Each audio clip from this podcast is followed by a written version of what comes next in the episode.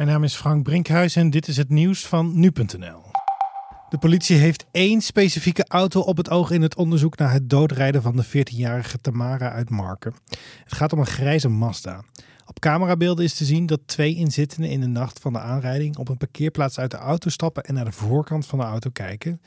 Het lichaam van de 14-jarige Tamara werd in de nacht van 25 juli gevonden, waarna geconcludeerd werd dat ze was overleden na een aanrijding. Burgemeester van Rotterdam, Ahmed Abu Talib, hoopt dat de mondkapjesplicht die vandaag is ingegaan in de stad een schokeffect teweeg brengt. Dat zegt hij woensdagmiddag in gesprek met nu.nl. Vanaf woensdag is het dragen van een mondkapje verplicht in delen van centra van Rotterdam en Amsterdam. Dat in de hoop dat mensen aan de anderhalve meter maatregel herinnerd worden en op die manier meer afstand van elkaar houden. Het RIVM activeert vanaf donderdag het Nationaal Hitteplan. We krijgen de komende week namelijk te maken met een reeks tropische dagen. Het Nationaal Hitteplan is een waarschuwing voor hitte en risico's die het met zich meebrengt. Ook geldt het als een oproep om extra op elkaar te letten. De motorrijder die dinsdagochtend de winkel van het tankstation in Els binnenreed, is aan zijn verwondingen overleden.